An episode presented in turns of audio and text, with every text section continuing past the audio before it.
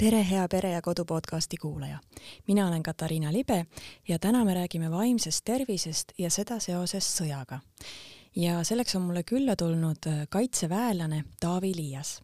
tere, Taavi! tervist! Äh, sa oled endine luureohvitser, aga mida sa täna teed? Äh, ükskord luureohvitser, igavesti luureohvitser okei okay,, ma olen lugenud kusagilt intervjuudest lihtsalt, et sinu kohta on öeldud endine luureohvitser. et äh, kusagilt intervjuudest öeldi, et äh, ma olen kapten, et äh, Aha, tegelikult okay. olen major ja mitte endine kaitseväelane, vaid endiselt kaitseväelane. ning kuigi ma olen lektor Kaitseväe Akadeemias, siis olen ma ühes sõjaüksuses ka luureohvitser, endiselt mm. -hmm. kas sul on plaanis ka missioonile minna lähiajal? või kunagi üldse? Mm, hetkel küll ei näe, et, et oleks vajalik ja, ja et oleks plaanitud, aga never say never mm. -hmm. mis sind motiveeris astuma Kaitseväkke? ma ei tea, oli juhus, võib öelda suuresti, kuna kui ma Kaitseväkke läksin, siis ikkagi kõik imestasid, et kuidas äh, minusuguse loomusega inimene Kaitseväes on, aga mis mõttes? No, milline see loomus on? no oleme ausad, et äh, kaitseväelaste suhtes mingid stereotüübid on ikkagi välja kujunenud ja mina nendele stereotüüpidele pole kunagi vastanud. aga, aga noh, rasked majanduslikud olud, et, äh, et kui ma selle otsuse juba vastu võtsin, siis äh, see, et ma ei jätka mitte palgasõdurina, vaid lähen ohvitseriks, et et see tuli kergesti ka just tänu sellele, et, et kool pakkus neid äh, majandustoetusi ja stipendiume, mida teistel koolidel ei olnud. et majanduslik olukord oli lihtsalt raske tol ajal ja ei, ei olnud nagu võimalik äh, mujal kõrgkoolis jätkata. kas sa oled seda otsust kahetsenud, kui see oli nagu nii juhuslik? Äh, no õnneks ei saanud ma sisse Tartu Ülikooli proovisin sotsiaaltöösse ja ähm, eripedagoogikasse, kolmkümmend võeti vastu ja olin kolmekümne esimene pärast äh, mõningaid väljakukkumisi. et jumal tänatud, et see töö ei oleks olnud minu jaoks.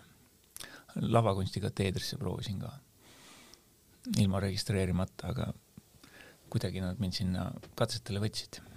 aga sa oled üht-teist ikkagi Tartu Ülikoolis õppinud ka ju?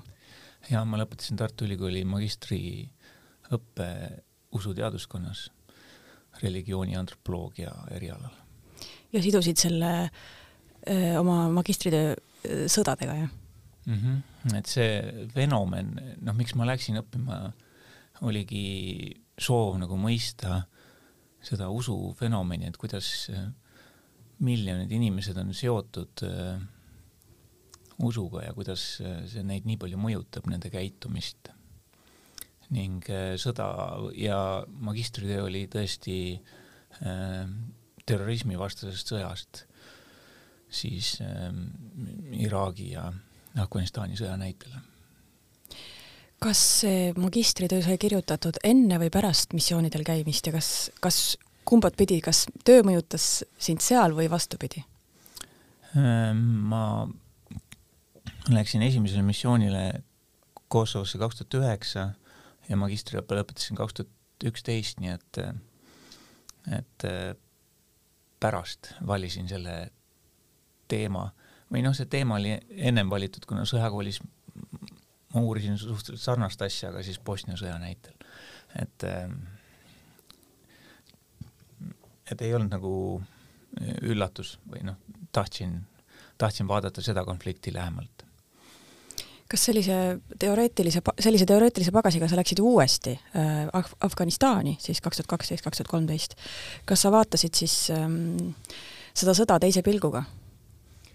Äh, kui ma läksin äh, Afganistani, siis ma olin äh, üle, üle kolmekümne, kolmkümmend viis äkki, kui tagasi tulin. et mul oli see kolmekümnendate kriis ära tulnud, kus inimene ühtegi asja enam mustvalgelt ei näe et selline suur hall virvarr hea ja halva ja mõjude ja seoste äh, jada, et kõikjal.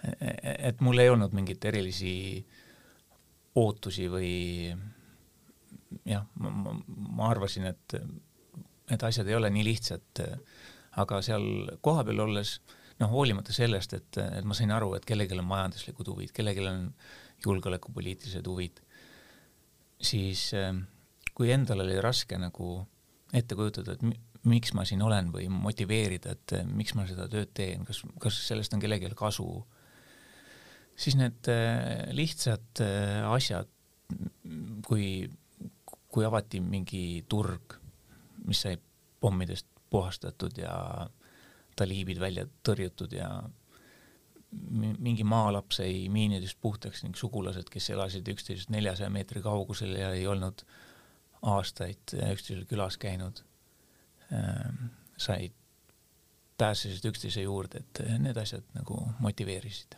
mm. -hmm. nii et sa ei näinud enam seda väga mustvalgelt siis, et on, on paha pool ja hea pool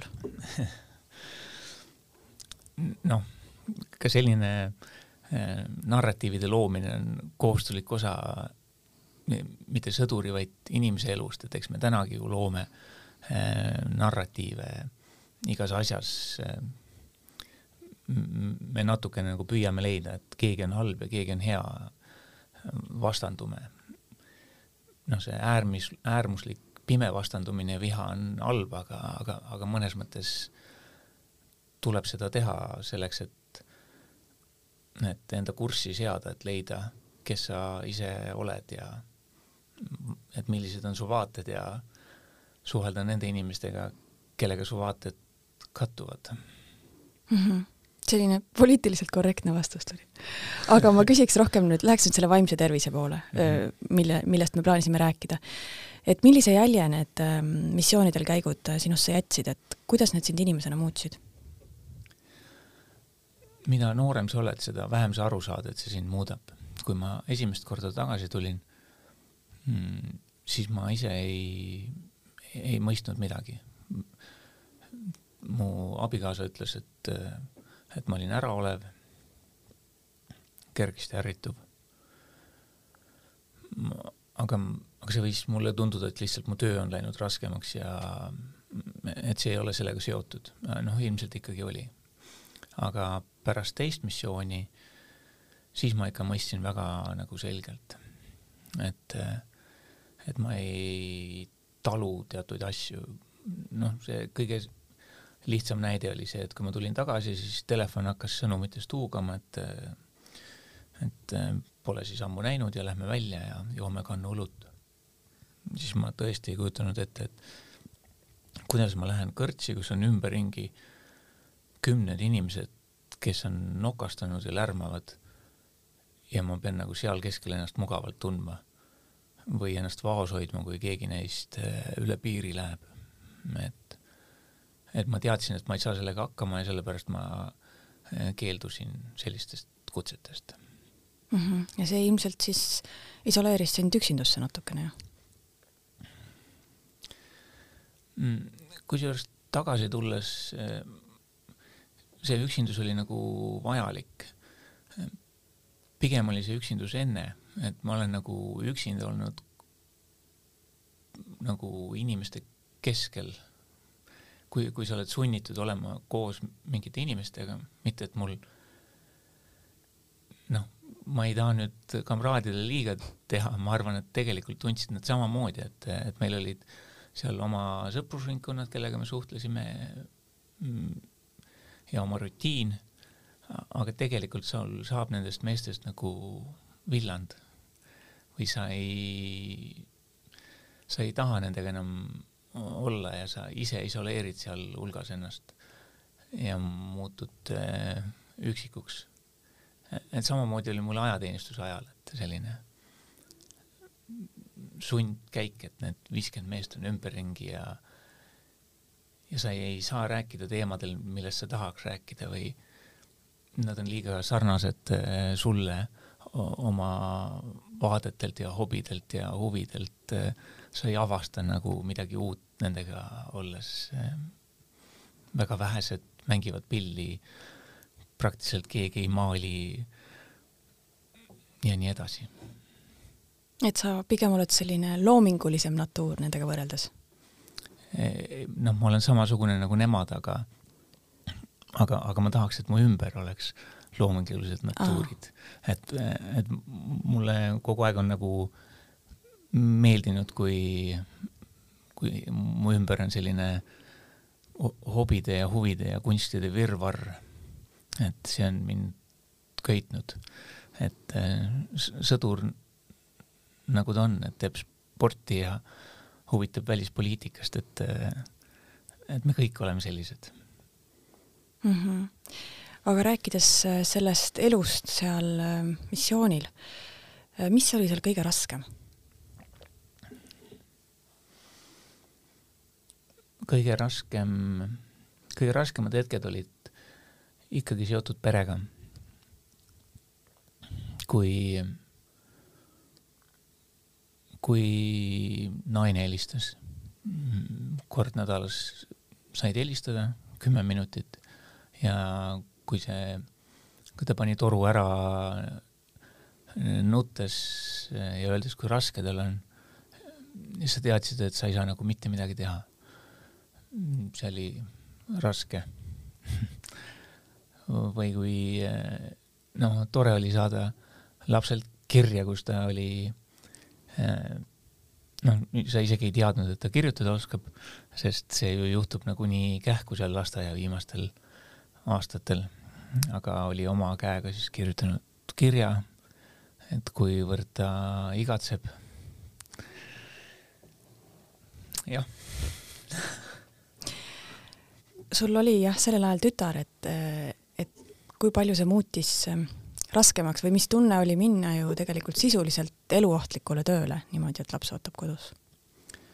no ega minnes seda aru ei saa, et äh, sa ikka lähed parimas usus Äh, statistiliselt on number väike, halvematel aegadel äh, saja kolmekümnest mehest viis saab haavata, üks surma. noh, meil läks eriti hästi. Et oht on olemas, aga, aga sa loodad parimat ja sa tegelikult ei, ei, ei taju seda ohtu, kui sa lähed. kuidagi nii on seatud see inimene mm. -hmm kui palju sa nägid seal üldse surma? ma saan aru, et oma kaaslaste hulgas siis ei näinud, aga, aga vastase poolel? vastast, jah, surnud vastast ikka oli. Et eh, ma ise nagu luureohvitseri töö ei ole olla püssimees, eh, et minu töövahendid olid teised, aga neid surnukehi nägin ma peamiselt seetõttu, et äh, teatud protseduurid, siis tuli nendega ära teha need pildid ja DNA proovid ja sõrmejäljed. et kõik need laibad, kes seal meie sõdurite poolt tekitatud olid, et neid ma ikkagi nagu nägin mm. -hmm. kas see kuidagi raputas sind ka? ei, ei raputanud ma ei tea, miks, et see oli nagu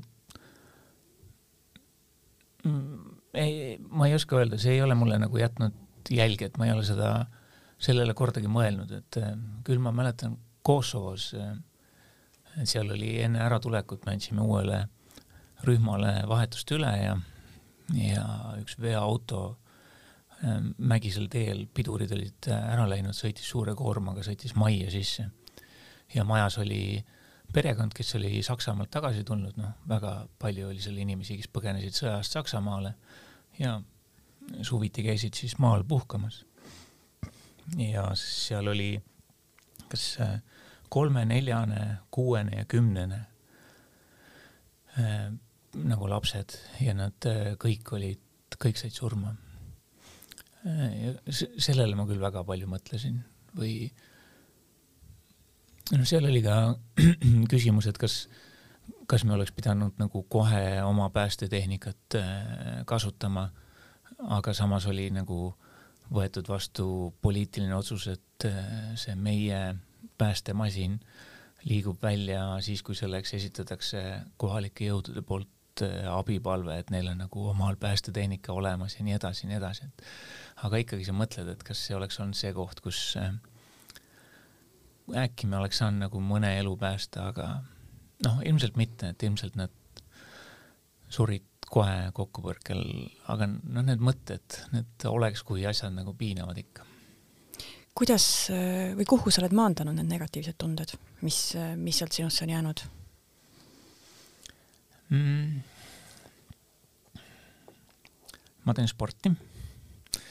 et ähm, see, ma ennist mainisin, see Brasiilia Jiu-Jitsu on ikkagi võitlussport mm. -hmm. kus võistlustel sa just käisid, ma saan aru? kus võistlustel ma käisin ja sain äh, professionaalses kaalukategoorias või professionaalses tasemes oma kaalukategoorias kolmanda koha. palju õnne! aitäh! Ähm, et ikkagi eesmärk seal spordialal on kellegi liiges murda või ära kägistada, juhul kui see inimene alla ei anna.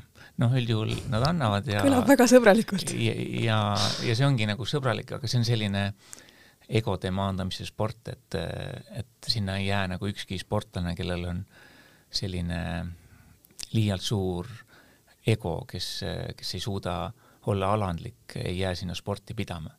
Sest äh, kaotus teeb su alandlikuks ja sunnib sind töötama, et äh, et sellepärast see sport mulle meeldib ja ma, ja see on ka vaimse tervise mõttes nagu väga vajalik äh, käia kolm korda nädalas ja elada täiel jõul kellegi peale ennast välja, et kas saad jagu või ei saa jagu. aga kui ma tagasi tulin, siis, siis mul oli sada päeva puhkust juhtus nii, kuna ma ei saanud eelmise aasta puhkust ka kätte ja siis oli lisapuhkus missiooni eest. nii et ma ehitasin äh, Lehtlat ja terve suve niimoodi mõnusalt. hommikul tulin välja kohvitassiga kell üheksa, kella nelja-viieni päeval toksisin, et see oli sihuke zen värk, et mida ma siis tegin ja mis mul nagu sellest äh, esmasest äh, nagu esmasest kahjustusest aitas üle saada mm. -hmm mis need tunded üldse on, millega sõdur missioonil kokku puutub, et kui palju sul on hirmu näiteks? hirm on, vot ma nüüd ei ole olnud olukorras, kus ma peaks pikalt tundma hirmu või noh, ma olen näinud, et inimesed tunnevad seal nagu silmaga nähtavalt hirmu, mis neid halvab ja halvab nagu rohkem kui hetkel et äh, minu enda suurim hirm ikkagi oli, äh, kui me käisime üsna alguses, kui esimene rühm läks välja, sõitis isevalmistatud lõhkekeha otsa. Äh, järgmisel päeval läks teine rühm välja, sõitis isevalmistatud lõhkekeha otsa. kolmandal päeval läksime siis meie juhtkonnaga välja. aga meie ei sõitnud aga oht oli kõrge ja, ja siis ma välja sõites nagu nii hirmsasti kartsin ja ma olin kuulnud, et vigastused tulevad, et kui plahvatuse tagajärjel eh, viskab sind peaga lakke, et siis sa murrad kaelalüli vastu lage ära. Eh, et kas tuleb turvavöö peale panna või siis eh, kuidagi teisiti hoida, aga seda varustust oli nii palju, et noh, näiteks minu varustus seal, kui keegi veel õnnistas mind mingisuguse raadiolainete segajaga või oli umbes viiskümmend üks kilo, ma ükskord kaalusin ära, et siis sa oled nagu keskaegne ristirüütel selle varustusega, et see turvavöö ei mahtunud sinna ümber.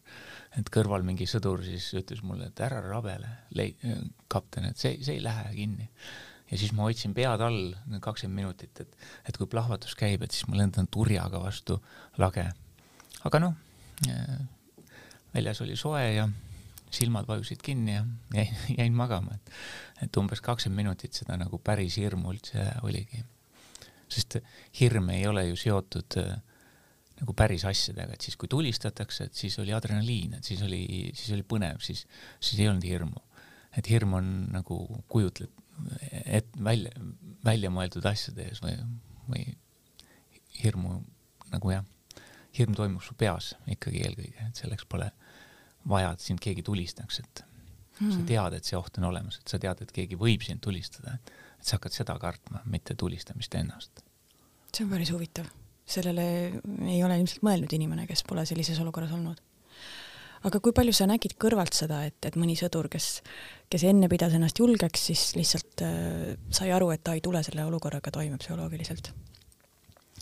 meie kompaniis õnneks ei olnud sellist. Aga noh, meil seal sõdur, sõdur FM ikka töötas, et äh, ehk sõduri raadio ja seal minu lähiseltskonnas äh, snaiprid ja demineerijad, need ikkagi rääkisid lugusid, et kuidas eelnevatest kompaniidest äh, ikkagi jah, mõni poiss ärkas keset tööd üles ja karjus, et nüüd tulevad ja ja kujutas asju ette, et kohe rünnatakse ja baasist välja ei julgenud minna ja. Et oli teovõimetu. mis siis teha saab kõrvalt sellises olukorras? noh, ei ole sellist sõduri tasemel eh, treeningut, et, et üks sõdur teist saaks aidata, et ikkagi kutsuti kohale siis äh, spetsialist äh, Eestist. et suurtes armeedes oli ta olemas ka põllul, mis selles suhtes mõjub hästi, et sul on olemas inimene, kes äh, käib samamoodi patrullis, kes on samamoodi ohus, et sa mõistad või usaldad teda palju rohkem. et äh, kui tuleb kuskilt imelikult puhta laost välja võetud vormiga, kus veel kortsud on sees, mingisugune tüüp ja hakkab sulle rääkima, siis väga jah, ei teki seda usaldust mm. -hmm. Kas äh, kaitseväelastele pakutakse mingit äh, psühholoogilist abi, kas või siin Eestis ja kui palju nad seda vajavad? ma sellele küsimusele vastamise ähm, jätaks äh, kõrvale seetõttu, kuna ma ei ole ise ammu missioonil käinud ja ma ei tea, mida see programm sisaldab tänapäeval. et ma nägin veterani päevaga seoses mingisugust intervjuud ühelt vigastatult ajateenijalt, siis tema küll kiitis, et ta on saanud palju tuge, aga ma ise kahjuks ei oska seda kommenteerida mm. -hmm räägime nüüd natukene Ukraina sõjast ka, et sellest ei saa päris mööda vaadata ikkagi. Äh, kui palju see sind äh, viimase nüüd siis rohkem kui kuu aja jooksul on, on mõjutanud või, või hirmutanud või masendanud? et selline noh, see on ilmselgelt ohvitseri jaoks äh, väga põnev aeg ja ma pakun, et et praktiliselt kõik ohvitserid päevas ikka korduvalt ja korduvalt vaatavad neid äh, sõjaülevaateid, et on erinevad äh, kanalid, kus siis näeb neid prognoose, ennustusi, artikleid äh, selle kohta, et mis võib saada ja analüüsi selle kohta, mis on toimunud. et ma ise olen ka nüüd katsunud rohkem ikkagi lugeda tekstilist materjali ja jätta selle lõputu Twitteri ja TikToki ralli nagu kõrval, et see vaimsele tervisele hästi ei mõju, kui sa neid eh, pilte liiga palju vaatad. nii et need pildid, mis sa oled Ukrainast näinud, on olnud siis hirmsamad kui need, mis sa ise oma silmaga missioonil nägid? Üks aspekt, mida meil missioonil ei olnud, oli eh, kaudtuli ja selle mõju, et et äh, olid küll mõned raketirünnakud, äh, kui me olime juba suures baasis ja aga, aga jah, sellist äh, meeletut nagu mõju, nagu seda teeb reaktiivsuurtükkidest laskmine elumajadele, kus terved kvartalid on kokku varisenud. Et see on ikkagi muljetavaldav, kui väga hirmuäratav, kui mõelda, et, et äkki seal majas sel hetkel olid inimesed et see, sellist asja missioonil ei olnud, jah mm. -hmm. kui palju sa Eesti pärast kardad mm,? ma ei oska nüüd öelda, kas me Eesti pärast peame kartma. Noh, kindlasti tuleb teha kõik selleks, et, et need hirmud ei realiseeruks, aga ei, ei, ma ei otse, otseselt ei, ei, ei karda. Äh, siiski, siiski ma neid Ukraina pilte vaadates just mõtlen sellele, et et kuidas see sõda nagu välja näeb ja mis, kuidas ta Eesti ühiskonda mõjutab, et kas, kas, kas ma saan nagu rahulikult sõdida, kui, kui nagu lähedased on kusagil samas nagu linnades, et, et sellised, see, just see tsiviilisikute seos sõjaga on see, mis on pannud mind muretsema ja mõtlema, et, et need inimesed ei lähe ära ja sa pead sõdima seal inimeste vahel, et, et eks me natukene Afganistanis saime seda kogemust, et samamoodi oli õigus ainult enesekaitseks või sa tohtsid lasta ainult vastast. aga, aga teine pool sellest kinni ei pea, et, et sa näed, kuidas ümberringi nagu majad kokku kukuvad ja kasutatakse relvi, mis ei ole mõeldud ainult sinu hävitamiseks, vaid mingisuguse maa-ala purustamiseks. kas sa soovitaksid nendel tsiviilisikutel võimalusel ära minna?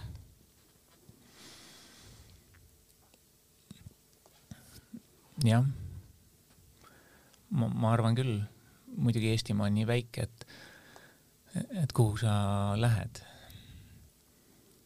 ja kas tsiviilisikutel, noh, kui on võimalik lokaalselt, ma arvan, et seda nagu ka, kui vähegi on võimalik, et kui see ründetempo ja sõjategevus seda võimaldab, et siis teatud alad nagu püütakse evakueerida, et noh, eks selle peale on äh, institutsioonid mõelnud ka. Aga noh, ma saan aru, et on inimesed, kes ei, kes ei taha minna, et äh, vanamehed Mariupolist, kes ütlesid, et ma siin sündisin, siin kasvasin, mu kodu on mul siin. Kuhu mul minna on, millest ma elan. kartulid on keldris. Et uues kohas, kus ma lähen, ei ole mul kartuleid. Mm. -hmm rääkisime tsiviilisikutest, aga rääkides nüüd sõduritest, kui palju sa mõtled nende Vene ja Ukraina sõdurite peale, kes siis peavad pärast kogu seda õudust ikkagi minema tagasi oma koju, need, kes ellu jäävad, minema tagasi koju ja oma igapäevaelu edasi elama, et, et, et ukrainlastel seisab ees riigi ülesehitamine, võib-olla neil on nagu teistsugused väljakutsed, aga Vene sõdurid lähevadki tagasi oma sinna nendesse linnadesse, kus pole asfaltigi maas, nagu räägitakse, onju, ja, ja elavad oma elu edasi, olles näinud nagu nii koledaid asju, seesama, mis sa rääkisid tsiviilisikute surmast ja ja oma kaaslaste surma ja, ja, ja nii edasi. kui palju sa nendele mõtled? et see on äh, väga tõsine probleem üks selline raamat on, autorit ma enam ei mäleta, Murtud meeled, mis rääkis siis äh, talvesõjas ja jätkusõjas äh, kannatada saanud äh, Soome veteranidest, kes, kellel oli noh, kõik erinevad vaimsed haigused, mis sõjaga seoses saavad olla, aga ta rääkis ka just nendest äh, probleemidest, mis äh, tekkisid äh, tsiviilühiskonda naastes. Sest äh, Soome ikkagi ei olnud tervenisti sõjas, et teatud osa Soomest jäi nagu rindest eemale.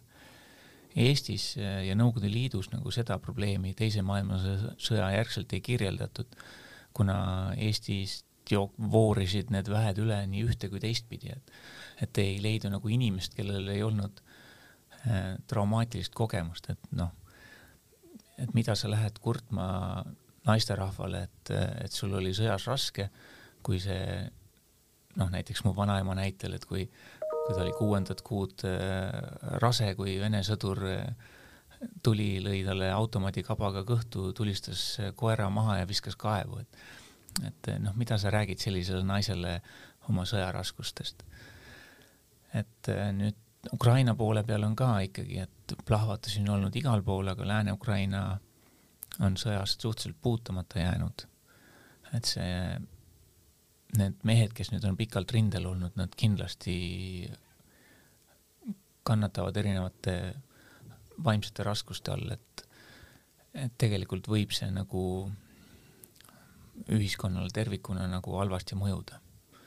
ja nüüd, kui rääkida nüüd Vene poolel, kes pole üldse nagu sõda näinud ja oma hurraaga saadab eh, mehi rindele, et siis eh, sealt nende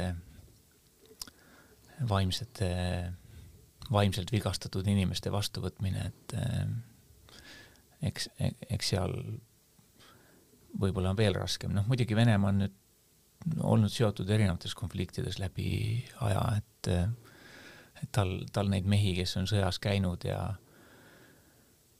võib-olla ei kohandu nii hästi ühiskonda, et neid on ikkagi palju. noh, sealt tulevad probleemid, alkoholiprobleemid, kuritegevus, alkoholiga seotud kuritegevus, perevägivald, kõik need asjad kas sa arvad, et, et Ukraina sõduritel on siis nagu mingis mõttes lihtsam pärast sõda, et nad justkui on võidelnud õige asja eest, nad on kaitsnud oma riiki, nüüd nad siis peavad riiki üles ehitama uuesti, aga Vene sõdurid noh, on sisuliselt käinud rüüstamas, vägistamas ja tapmas? kindlasti mõjutab, ma ei tea, kas nüüd see sõja põhjus, sest see on see, nagu meie näeme, et kellel on mm -hmm. ja seda küll, jah. kaasuspelli, et kellel on nii-öelda nagu see õiglane sõda ja kellel mm -hmm. mitte, et et kindlasti ka neil on väga õiglane sõda, sest äh, ikkagi Ukraina tuleb denatsifitseerida ja mm -hmm. demilitariseerida. aga ma arvan, et äh, see, mis sa sõjas teed, nagu mõjutab väga palju. et kui võrrelda meid, selle teise põlvkonna Afganistani veterane, esimese põlvkonna omadega lugesin äh, Seaküla Simsonist kirjutatud raamatut, kuidas äh, ta kirjeldas, kuidas äh, mässulised põgenesid haiglasse ja avasid sealt vastutule ja tema oli miinipilderühmas, et miinipildujad kutsuti kohale ja lihtsalt, lihtsalt pommitasid kõik maatasa, vaatasid, kuidas, kellel rohkem jalgu all oli, see püüdis teist kanderaami peal välja tassida. või kuidas nagu mässuliste ülekuulamisel või noh, juba hukkamisel siis äh, iga ohvitser pidi mehistumiseks äh, tooli nagu alt ära lööma sellel, keda üles poodi, et pataljoni arst oli, ei suutnud seda teha, siis jõi nii palju alkoholi, et äh, lõpuks lööma läks, siis lõi toolist mööda ja kukkus endale noareide või noh, et ma arvan, et need asjad, mis, mis inimene korda saadab, et need hakkavad teda jälitama ja mõjutama. et eh, kuigi me lahinguväljal kirusime, et meil ei olnud õigust eh, rohkem kui täna tänaval kõndides, et kui keegi mind tulistab, ma võin teda vastu tulistada, siis vaimselt see meid ikkagi kaitses selle eest, et me ei saatnud korda midagi sellist, mis meid võiks nagu kummitama jääda. noh, kindlasti inimese tapmine jääb kummitama, aga siin on jälle küsimus kuidagi selles, natuke selles õigustuses, et, et ta ju tulistas mind, et ma, ma ju kaitsesin ennast, et seda on nagu enda jaoks kergem siluda. aga kui nüüd rääkida nendest sõduritest, kes, kes lihtsalt külmavereliselt mõrvavad tsiviilisikuid, vägistavad naisi, sealhulgas alaealisi ma ei tea, kas nende hingesid saab enam päästa. kas sa oskad mulle mm, seletada psühholoogiliselt? Äh, ma arvan, et ma ei ole ainus, keda valdab äh, neid uudiseid lugedes äh, selline totaalne hämming või arusaamatus, et kuidas see võimalik on, et kust, kust on välja tulnud nii suur hulk nii kurjasid inimesi, kes suudavad selliseid asju teha, et kas oskad seda seletada, et kas seal toimub mingi transformatsioon või kas, kas neil on see tunne, et nad niikuinii saavad varsti surma, et justkui kõik on lubatud või nad tõesti on need ukrainlased enda jaoks kuidagi nii dehumaniseerinud, et nad ei näegi neid inimestena või? eks äh, ka Eesti ühiskonnas, kui, kui ma olen nagu paljud naisterahvad on mulle rääkinud, et neil on mingi dramaatiline kogemus äh, kas selline, mis on olnud nagu neile peale sunnitud vahekord, eh, kas just, ühesõnaga põhimõtteliselt vägistamine. et, et kui me näeme, et ka Eestis täna on ikkagi neid juhtumeid nagu nii palju, siis äh, kujutage ette, mis nagu sõjas toimub, kui, kui su ümberringi ühel hetkel nagu ei ole kontrolli, et, et sa, sa tulistasid inimese maha või lasid, lasid ta maha ja keegi ei tule sind vangi võtma. mitte midagi ei juhtunud sellest.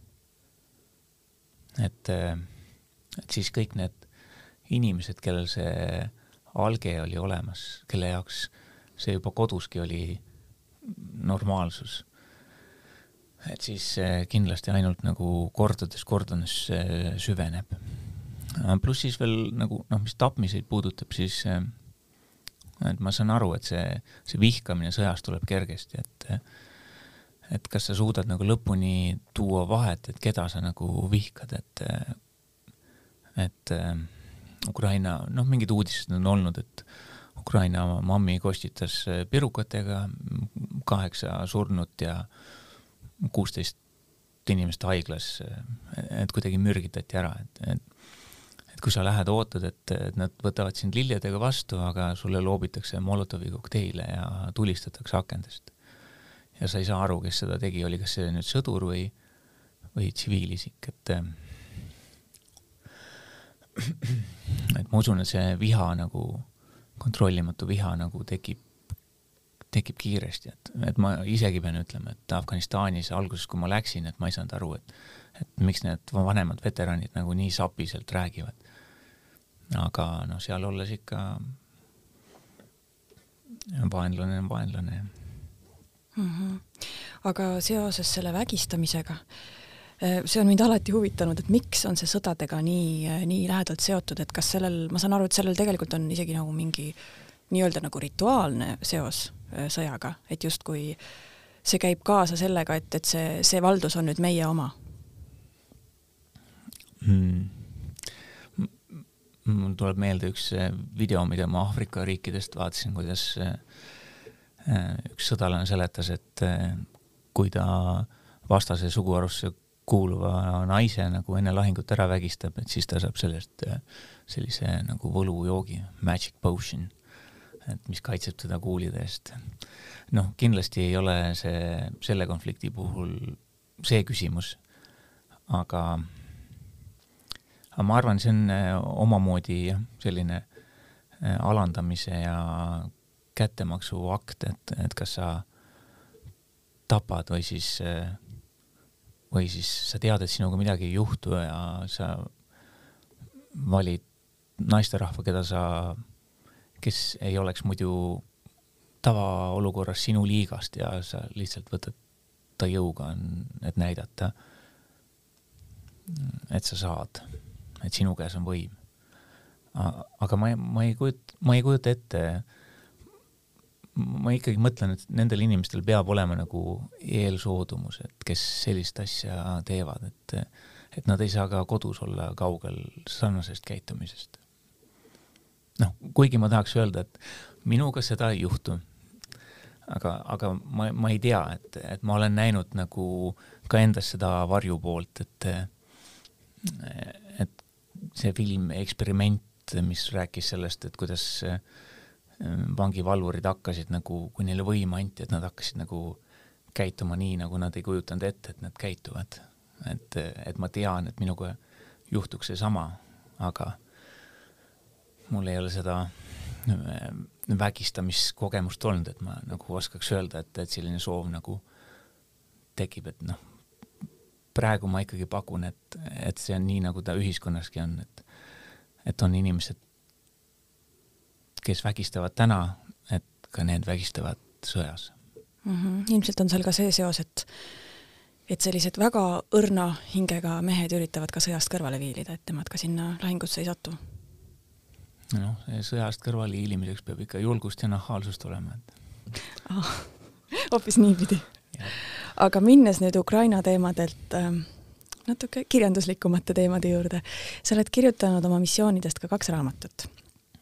kas äh, oli see rohkem sinu jaoks nagu teraapiline, et sa said need tunded endast kuidagi välja või oli see pigem nagu soov äh, lääne inimesele näidata, mis seal tegelikult toimub? ja ma küsin veel, et oled sa äkki vahepeal, on sul juba midagi veel valminud ei, ei ole, et äh, endiselt kaks raamatut et kui ma esimeses, esimene on jah, selline natuke etnograafiline ja oleks võinud olla sellise kohustusliku kirjanduse nimekirjas nendele, kes missioonile lähevad, et paremini mõista seda kultuuri ja käitumist. et esimene oli jah, selline teraapiline, kus ma püüdsin, püüdsin nagu ise aru saada, et kes need inimesed on, kelle vastu me sõdime, et mis nende motiivid nagu võivad olla. jättes kõrvale selle viha, mis mind valdas või eelarvamused, mis mul olid nende suhtes tekkinud, et ma püüdsin olla nagu neutraalne. ja selles suhtes see õnnestus hästi, kuna mul on mitmed isegi sõjaväelased öelnud, et siis, kui need Talibani vennad, kes mul raamatu peategelased on, esimese USA kopteri alla lasid, et siis nad õis-, õis-, hõiskasid, et jess, siis said aru, et oot-oot, aga et see olukord oleks võinud nagu päriselt vastupidi olla, et see, et mina oleks võinud seal kopteri peal olla, kes, mis alla lasti.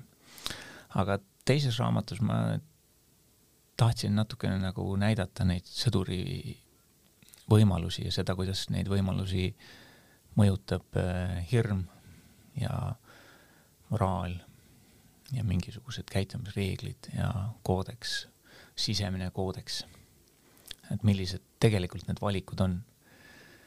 et mul see eriti hästi ei, ei õnnestunud, ma tahtsin neid lugusid tuua nagu sellises järjekorras, et kus peategelane püüab järjest rohkem äh, panustada selleks, et ellu jääda, käitub võib-olla veel julmemalt kui nagu eelmises äh, loos.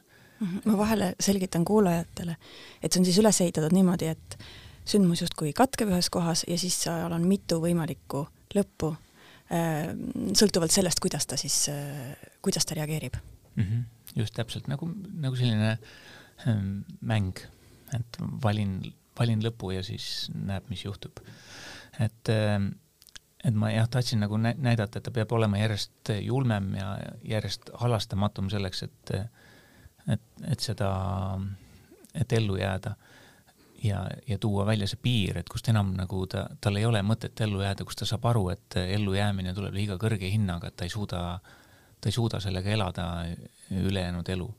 aga tehniliselt oli seda liiga raske kirjutada, seetõttu Äh, juba esimeses loos äh, jõuab see nagu piir kätte, et ta laseb kogemata ühe perekonna maha ja sealhulgas enda tütreealise lapse ja ei suuda sellega elada ja võtab endalt äh, elu.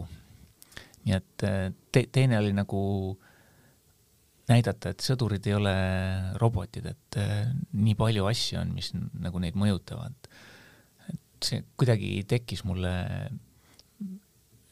see, see mõte sellest, et, et õigustada või, või, või tuua lugejani seda, neid, neid faktoreid, mis mõjutavad sõduri käitumist, tekkis pigem sellest politseinike tööst, kui kui politseinik kasutas relva ja siis heideti ette, et kas ta oleks võinud kasutada mitte surmavaid vahendeid ja ta on ju läbinud enesekaitsekoolituse ja nii edasi, nii edasi, et, et justkui oleks politseinik selle äh, tuhande ühesaja eurose palga eest nagu võitlema, ütlema pätile, et äh, panen nuga maha ja võitleme nagu mees mehega rusikas rusika vastu. noh, seda juhtub ainult filmides, et äh, politseinikul on samasugune õigus ellu jääda nagu inimesel tänaval, et, et tegelikult uskuge või mitte, samamoodi ka sõduril, et mm. -hmm, ja, ja lisaks need otsused sünnivad ju murdsekundite jooksul et seal ei jõua vist väga pikalt ette kalkuleerida. just, et sa pead selle otsuse tegema kiiresti ja neid, kes neid tagantjärgi vaatavad, nendel on terve maailma aeg seda toimikut uurida ja juhtumit eh, selgitada ja, ja vaadata su toimikust, et kas sa oled läbinud, kas sa oskad eh, maadelda või mitte, et eh, noh, kindlasti minu puhul leitakse, et, et ma peaks iga rünnaku vastu võtma käsitsi, kuna ma ikkagi selline väärt sportlane olen mm. -hmm. aga see esimene raamat, et kuid see oli kantud sellest mõttest, et nagu nii-öelda vastaspoolt humaniseerida või näidata, kui näidata nagu nende inimlikku poolt, siis kas see enda sees konflikti ei tekita, et tegelikult on ju lihtsam minna sõtta, kui sa tead, et vastane ei ole inimene, ta on paha? ei, nii ei saa minna, sest ma arvan, et nii tekivadki sõjakuri, kuriteod mm., sest eh, noh, sealkandis oli tõesti nagu raske vahet teha, et kes on vaenlane, kes mitte, et et see inimene, kes noh, kas ta otsustas sinuga sõdida või mitte, et et seal sõidad külla, seal on pere, seal on mees, räägid nendega juttu, võib-olla pakuvad sulle isegi teed, aga tegelikult sa tead, et tegelikult on äh, Taliban. aga noh, mis sa selle teadmisega peale hakkad, et seal on ikkagi tõenduspõhine selleks, et teda kinni võtta, nagu Eestiski, sul peab olema mingisugused asitõendid. et, et nii sa oled nagu nende võitlejate keskel, võib-olla sa sõitsid eemale, siis ta ütles naisele nägemist, suudles lapsi põsele, võttis selle automaadi põllu pealt ja sõitis punnvõrriga tiiruga meile ette, et meid varitseda. et see oli see elu, kui sa nüüd nagu, sa lihtsalt pead sellega arvestama, et see, et need on need mängureeglid, et see on nagu väga meenutab sporti, et, et minu spordialas ka palju lihtsam oleks võita, kui sa eh, teist samal ajal lööd või siis äh, ma ei tea su, suguelundustes pigistad, aga nii ei tohi teha, sest nii on kirjas, et see reeglites, et see on väär, et ka sõjas on reeglid ja, ja nendest reeglitest tuleb nagu kinni pidada. Mm. -hmm hästi, ma nüüd äh, oleme jutustanud küll, et ma nüüd täiesti viimase küsimusena küsin, et kui sul oleks poeg ja ta ütleks sulle, et tema tahab hakata elukutseliseks missioonisõduriks, mis sa talle ütleksid? kas sa soovitaksid seda või mis nõuanded sa talle kaasa annaksid? mm,? mul on tütar. ta võib ma, ka hakata tegelikult? ja ta võib ka hakata jah, et eh, kuigi temal, noh, ma arvan, tavaliselt selle aja peale on juba tulnud välja need eh, kodutütarde käimise asjad ja huvi Kaitseliidu organisatsiooni vastu, et ma arvan, et minu tütar ei ütle.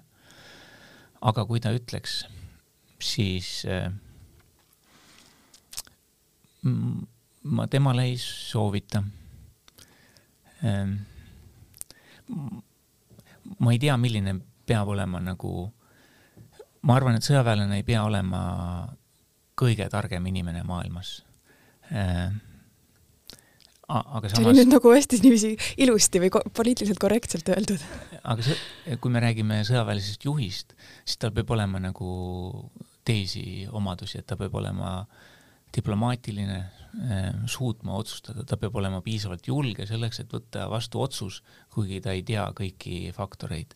et ta ei, tal ei ole nagu selget pilti, aga kõik vaatavad tema suunas, et ta peab otsustama. et, ehm, et ehm, tundes oma tütart, et ja teades, kui tark ta on, et, et ma arvan, et tal on nagu mujal rohkem potentsiaali.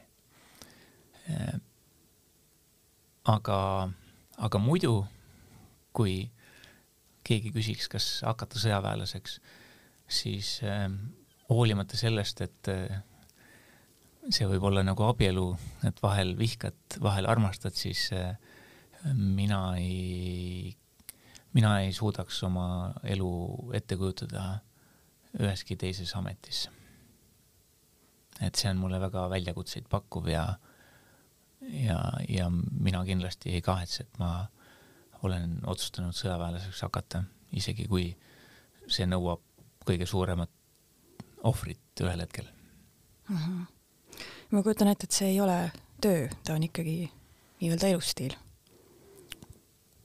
Kindlasti peab olema kutsumus ja arusaam, et sa tahad kodumaad kaitsta, hoolimata sellest, milline koalitsioon parasjagu moodustatud on ja, ja, ja kindlasti tuleb äh, teha ohvreid äh, teatud asjade arvel selleks, et seda ametit äh, pidada, kuna väeosad on laiali Tapal, Paldiskis, Jõhvis, Pärnus, Tallinnas, Võrus.